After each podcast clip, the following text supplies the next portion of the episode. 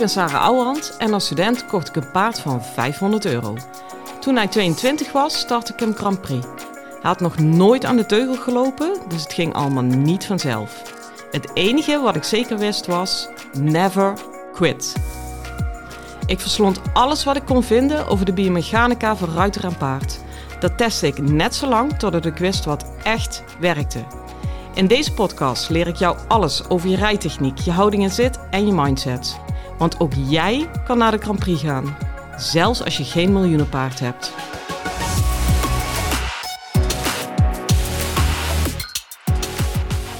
Hi lieve paardenmensen. Nou, ik ben weer helemaal back in business. Nou, hoe is het? Derde dag na de zomervakantie en wij zijn er weer. Hey, deze aflevering wordt extra leuk. Tenminste, voor mij heeft hij een extra randje. Die gaat namelijk in de lessen gebruikt worden van uh, de opleiding paardenhouderij van Curio. Dus je snapt dat ik extra mijn stinkende best ga doen. En um, het gaat ook over een hele interessante vraag. Die kreeg ik gisteren binnen. En um, Kees op het Hoog, die stuurde mij een appje en die zei: Sarah, heb jij misschien een interessante podcast over wat lesgeven is? En wat mij betreft zit daar een kleine aanvulling bij, wat goed lesgeven is, maar dat is ook wel weer een open deur. Hè? En ik moet je heel eerlijk zeggen, eerst dacht ik van, ja, is dit nou voor vraag? Weet je, echt tussen de soep en de aardappelen. En zelfs letterlijk tussen de aardappelen, want ik stond uh, andijviestampel te maken. Maar goed, als standpunt stond ik over die vraag na te denken. En toen dacht ik, ja, weet je, het is eigenlijk een knetter goede vraag. Want je moet hem gesteld hebben aan jezelf voordat je de baan ingaat. En ik durf dat nog wel een beetje verder te trekken. Ik vind dat je hem iedere keer aan jezelf moet stellen voordat je de baan ingaat. En dat dat antwoord ja, steeds dieper moet worden uitgeplozen. Um, uiteraard ben ik daar dus voor mezelf al mee bezig geweest. Door de jaren heen sowieso, maar door deze vraag van Kees en mijn voorbereiding op deze podcast nog eens extra. Ja, en er zit zo ontzettend veel in. Wat is lesgeven? Um, voor mij is het in ieder geval een enorme parallel na het rijden. En daarmee bedoel ik, kijk, techniek is één ding. Je kunt de techniek in je rijden of in het verwoorden van wat paardrijden is, perfect beheersen. Maar, zoals ik altijd zeg, ja, weet je, wat mij betreft, dan begint het pas. Dat je weet hoe uh, wijken of een volte of een appiëment in elkaar zit. Ja, dat mag ik hopen als je de baan inloopt. Een beetje afhankelijk van op welk niveau je les geeft. Uh, maar er zit een heel spel achter en ook een bepaald ja, basisidee basisovertuigingen die eigenlijk continu in je lesgeven doorcijpelen.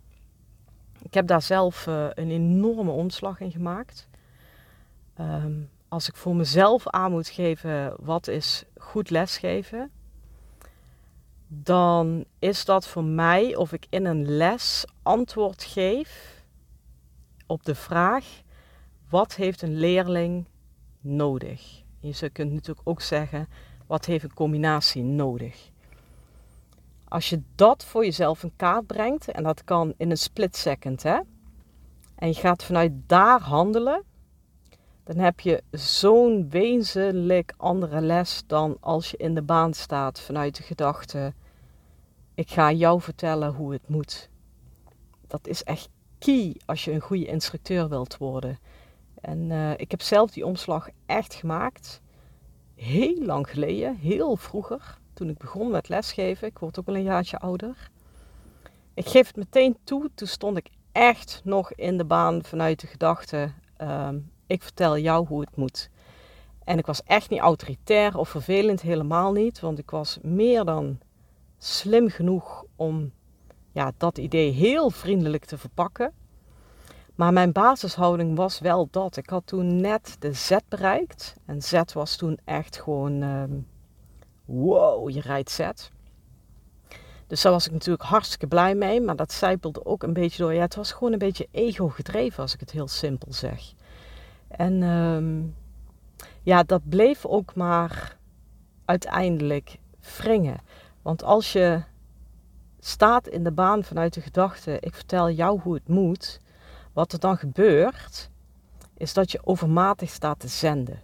Dus je bent eigenlijk continu uh, je kennis, maar stiekem ook wel je mening aan het ventileren. En als je echt een leerproces bij leerlingen op gang wil brengen, dan is het maar zeer de vraag of dat wel zo functioneel is.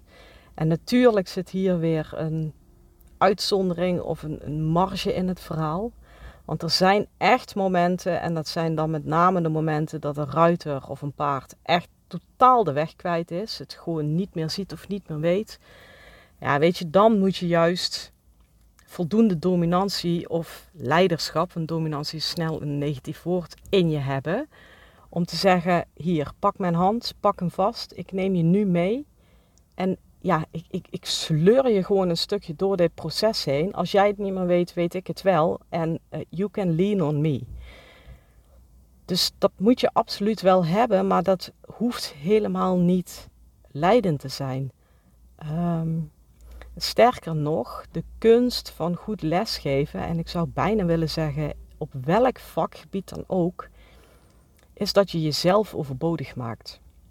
Die is heel belangrijk. Um, je hebt ook vaak ruiters. Ehm, ja, ik zal geen namen noemen, maar ik weet dat dat bij een toptrainer veel gebeurt. Die ruiters hebben dan iedere dag les van diegene. Ja, je kunt daar twee dingen van zeggen. Van de ene kant ga je natuurlijk sky high, zeker in het begin. Van de andere kant denk ik dan, met mijn eigenwijze autonome hoofd, ja, maar er is toch echt nog steeds maar één iemand die straks in de ring rijdt. En dat is die leerling. En dan is het ook nog gewoon een regel dat de instructeur zijn of haar mond moet houden. Dus waar ben je dan? Krijg je dan juist niet het moment dat die leerling gaat zwemmen? Uh, dat is natuurlijk ontzettend tricky. Dus wat ik daarom in mijn lesgeven heel veel doe, kijk, zenden moet absoluut, kennis brengen moet ook absoluut. En je moet gewoon je huiswerk doen, je moet gewoon sowieso voldoende kennis hebben uh, voor de combinatie die op dat moment in de baan is. Of dat nou is zoals ik de Grand Prix rijd, dat ik een subtopruiter les geef, of iemand anders die uh, L2 rijdt en iemand uh, les geeft die B rijdt. Dat is op zich, maar je moet gewoon over hebben ten opzichte van je leerling. Um, en toch moet je heel voorzichtig zijn met zenden. Want bij zenden in je lesgeven, daar zit natuurlijk een andere kant aan en dat is ontvangen. En daar moet je heel erg op gespitst zijn wat mij betreft. Van ja, leuk wat er allemaal uit mijn mond komt rollen. Maar komt het ook wel binnen? Dat is de eerste vraag. Want vergis je niet, dat weet je zelf ook uit je eigen lessen. Als je heel intensief bent aan het rijden en iemand is continu tegen je aan praten, ja, je hoort de helft maar. Laat staan dat je het ook nog integreert in je rijden. Dus doseren, doseren, doseren. En de een kan heel veel info aan en de ander wat minder. Dus dat is al een stukje afstemming in de vraag: wat heeft een leerling nodig? Ik heb echt een leerling, die heb ik uitgenodigd voor mijn vierdaagse masterclass. Is dan vier dagen ga je all the way met me. En die gaf aan van ja, ja, ja, ik twijfel, ik weet het niet goed. Ik had haar ook uh, één of twee keer pas les gegeven. Maar ik zag in die lessen ook ehm, dat ik er een stukje informatie in stopte. Daar ging zij dan mee aan de slag. Nou, dan lukt dat in het begin in ieder geval niet perfect. Dat is normaal. En in dat zoeken van haar, wat zij met mijn informatie of instructie ging doen, daar ging ik me alweer mee bemoeien. Waardoor ze weer van zichzelf af werd getrokken en weer met de aandacht was wat ik stond te vertellen. En ik kan je vertellen, zij werd er echt niet beter van, totdat het moment dat ik mezelf corrigeerde en zei, Sarah, meld dicht. Weet je, gewoon laat nou even een stilte vallen. De beste lessen zijn de lessen waarin stiltes mogen kunnen vallen. Uh, en ik zag ook op het moment dat ik mezelf even terugtrok, omdat ik merkte, ja, de instructie die ik er nu in die duw, hoe goed die technisch gezien ook is, die dient haar niet meer. Juist in die momenten van stilte groeide zij ontzettend. En dat is bij haar, nou, misschien wel twee derde, een derde. Dus ik moet een derde iets erin duwen en twee derde is voor haar ontvangen en integreren. Nou, dan kun je nagaan hoe relatief vaak ik mijn mond hou. Uh, en na die les, toen ik dat begon te zien, toen hadden we het ook nog even over die vierdaagse masterclass. En toen heb ik ook heel eerlijk tegen haar gezegd, ja, ik snap je. En ik wil eigenlijk mijn uitnodiging voor die vier dagen intrekken. En niet omdat ik niet in je geloof, juist niet, want ik zie hoe hard je groeit. Maar omdat ik zie dat het jou compleet gaat overspoelen. Het is te veel. Um, dus ja, dan, dan is het niet meer zinvol. En dan kan ik wel een knettermooi product hebben. Maar het is niet aan mij om te bepalen of ik een goede les geef. Het is aan die leerling zonder dat die leerling alle macht heeft. Want dat is natuurlijk het hele dunne lijntje. Uh, je moet absoluut een stap terug kunnen doen, maar je moet wel de leiding kunnen houden. En uh, ja, wie daar echt heer en meester in is, is mijn trainer van oudsher. Dat is Frank Jespers. Nou, die heeft, die, die heeft de kunst van het zwijgen in mijn lessen. Die heeft dat zo begrepen. Uh, want als hij zwijgt, krijg ik nooit het gevoel dat ik het niet goed doe. Want soms maakt het onzeker. Als hij zwijgt, krijg ik ook nooit het gevoel dat hij me niet ziet. Want ik weet dat hij iedere vezel die we bewegen, die volgt hij. Alleen hij registreert perfect dat ik even moet zoeken en moet afstemmen en me tunen. Kijk, en wat ook nog heel belangrijk is, wat er bij ruiters sowieso gebeurt als er te veel verbale communicatie op hun afkomt, is ehm, ja, heel simpel. Het haalt je uit je ruitergevoel. Want je moet luisteren en je gaat daar mentaal mee aan de slag. In het begin rationeel. En als je bent aan het luisteren wat iemand zegt, dan ben je dus minder aan het voelen. Simpel zat. Dus ook in het belang van het ruitergevoel is het extreem belangrijk dat je daar je afstemming in houdt. En dus echt iedere keer in de baan staat vanuit de vraag: wat dient de ruiter? Ehm, en die vraag die kan ook leiden tot het gevoel. Daar ben ik zelf ook ingetrapt in het begin. Ik had in het begin, heel vroeger, Sarah 1.0, nou zeg eigenlijk maar Sarah 0.5. Uh, nou, die ging geregeld op de snuffer, want die dacht, ja, waarom lopen die lessen niet? Omdat ik gewoon er niet goed in zat op dit gebied. Toen ben ik dat helemaal om gaan gooien. Toen dacht ik, oké, vanaf hier ga ik echt de ruiter echt alleen maar dienen. Maar dan is het weer, heeft het bijna iets onderdanigs van, ja, doe ik het goed, weet je? Ja, en dan krijg je natuurlijk leerlingen die links en rechts over me heen liepen, op wat voor manier dan ook. Dus toen zat ik weer aan de andere kant van het spectrum, dat ik dacht, ja, dit is het ook niet. En uh, van een instructeur die onvoldoende stevig op haar voeten staat, ja, wat heb je daaraan? Natuurlijk ook helemaal geen fluit. Dus ik zat gisteren te bedenken, ja, hoe verwoord ik dat nou goed? Wat mij betreft is goed lesgeven 100% voor jezelf en je boodschap staan. En eigenlijk niet 100%, maar 300%. Dus zo stevig op je poten staan. Ik weet wie ik ben. Ik weet wat ik te melden heb. En ik weet waar ik voor sta. En toch tegelijkertijd jezelf volledig aan de kant kunnen zetten. Met andere woorden, geen ego-spelletjes. Het, het gaat in uh, goed lesgeven niet over de vraag of je wel of geen gelijk hebt. Dat is, dat is een non-issue. Dan zit je gewoon tegen elkaar op te boksen. Het gaat erom wat ik zend, ontvang je dat en kan je dat integreren? En daar blijf ik ook checken. En een mooi voorbeeld daarvan, om dat heel concreet te maken, is, en dat hoor je heel vaak nog bij instructeurs, dat ze tien keer hetzelfde zeggen. Nou, echt het klassieke voorbeeld. Handen laag, handen laag, handen laag. En hoor ik die lessen en denk ja, weet je, er staat een papegaai in de baan. Natuurlijk moet je een beetje herhalen en een beetje, hè, je mag iemand wel herinneren, maar zoals ik in de baan sta, op het moment dat ik op korte termijn vaker dan, nou laat ik het al ruim nemen, drie keer dezelfde instructie moet geven, dan weet ik dat er stront aan de knikker is, dat het gewoon of niet binnenkomt, of ze krijgen het niet geïntegreerd, of de oorzaak zit gewoon ergens anders. Dus dat is ook echt een moment waarop ik een leerling stilzet en gewoon met diegene in gesprek ga. Want praten of veel overleggen of voor mij wat veel zenden is helemaal niet erg. Maar dan creëer ik de ruimte door diegene stil te zetten. En dan wil ik gewoon echt gewoon even puur theoretisch overleg. Wat ik ook vind, als ik drie keer dezelfde instructie heb gegeven en hij wordt niet uitgevoerd.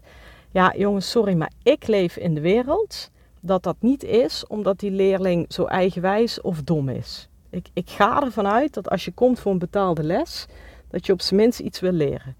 Dat is natuurlijk ook wel een beetje het voordeel. Mijn tarieven zijn uh, niet, niet laag. Dus uh, de eigenwijze shoppers, ja, die, filter ik gewoon op tarieven uit. Ja, ik zeg het maar even zoals het is, want ja, dit is gewoon mijn uitgangspunt. We staan in de baan om te leren. Nou, als dat het uitgangspunt is, maar het gebeurt na drie keer zeggen toch nog niet, dan vind ik voor mezelf dat ik dus beter mijn best moet doen. Uh, en dat kan al zijn door andere, um, andere woorden te gebruiken. Kijk, als handen laag, om bij dat voorbeeld, gewoon niet binnenkomt of niet lukt, nou is dat biomechanisch gezien, komt dat vaak überhaupt helemaal ergens anders vandaan. Maar laat ik die maar parkeren, want dan zitten we vannacht nog in deze podcast. Maar als handen laag drie keer niet werkt, en ik weet zeker dat ik gehoord word en het lukt niet, dan kan ik dat bijvoorbeeld vervangen door ontspan je polsen. Of ontspan je onderarmen. Of zelfs ontspan je bovenarmen. Als je die drie elementen van het lichaam ontspant, ja, dan bestaat het niet dat die handen nog hoog zijn. Snap je? Dus um, gebruik synoniemen. Kies andere ingangen. Wees fucking creatief. En in het begin sta je heus wel een boekje of een lesje af te draaien. Dat mag ook, want je moet ook gewoon meters kunnen maken in het lesgeven. Maar um, zodra je ook maar, en daarom heet mijn podcast natuurlijk niet voor niks out of the box dressuur. Zodra je ook maar een beetje van die, dat boekje af kan wijken, ja, doe het. Weet je, ga gewoon experimenteren. Dat zeg ik ook altijd tegen ruiters in het zadel. Als je thuis rijdt, ja, durf gewoon te experimenteren. Als jij achterstevoren op je paard zit en heb je je veert daardoor beter, ga lekker achterstevoren zitten. En ik snap ook wel dat je in de proef dat het gunstig is als je recht, recht naar voren op je paard zit. Maar als het begin is dat u het achterstevoren beter doet, dan beginnen we daar. Snap je? Ehm, ik zie namelijk te vaak dat ruiters in een bepaald boekje of hokje gepropt worden. En wat dat betreft zijn we met paarden natuurlijk al veel verder. Want met mijn korte propje als paard is het altijd lengte, lengte, lengte, lengte. Maar als jij zo'n lang kasteel van 1,80 hebt, zal iedereen zeggen: ja, je moet hem niet te lang houden. Je moet hem in de basis een beetje bij elkaar houden. En naar de ruiters geven ze opeens allemaal dezelfde instructies, snap je? Terwijl daar zit net zoveel variatie in, fysiek en mentaal, et cetera. Dus um, ja, ik zou dat vooral heel erg doen. En ja, ik denk de grootste valkuil van lesgeven is dat het een ego-spelletje wordt. Uh, als ik instructeurs ook mopper hoor mopperen over leerlingen van ja, ze zijn zo eigenwijs, ze luisteren nooit, doet toch precies waar die zelf zin in heeft. Kijk, natuurlijk heb je soms pain in the asses, maar laten we die even apart hangen. Uh, als ik een instructeur zo hoor praten, rijst bij mij alleen maar de vraag: waarom kan je hem of haar niet bereiken? Wat zit daar? En dus, waarom kan je hem of haar niet dienen in zijn leerdoel? En als dat je basishouding wordt, ja jongens, dan heb je de wereld. Dan maakt het niet meer uit of je B, Z of Grand rijdt. Dan heb je altijd wat toe te voegen. En dan heb je, dat is nog het mooiste, zelf ook altijd wat te leren. Want vergis je niet, als ik iets van het lesgeven vind, de goede les is dat een wisselwerking is. En dat ik iedere les zelf iets leer. En dat betekent niet dat ik zelf als een kneus in de baan sta dat ik het niet snap. En het hoeven maar kleine dingen te zijn. Maar van goed lesgeven groeien aan beide kanten til je elkaar op. Um, ja, ik merk dat bijvoorbeeld ook met mijn andere instructeur, Kees op het Hoog. Merk ook dat wij elkaar optillen, omdat hij mij net op een stukje kan prikken. Waarvan ik op een positieve manier een beetje in de bokshouding kom. Uh, ja, het, is gewoon, ja, je tilt elkaar op. Ja, het is bijna niet meer te verwoorden. Maar als dat gebeurt, Ja jongens, dan is het gewoon kick-ass. Dus durf je ego achter te leggen. Durf te denken, hoe kan ik deze ruiter dienen? Durf op je poten te blijven staan voor je eigen verhaal.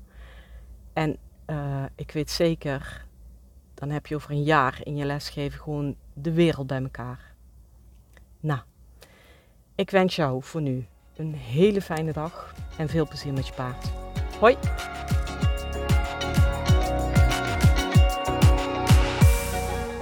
Lieve ruiters, dit was hem weer voor vandaag.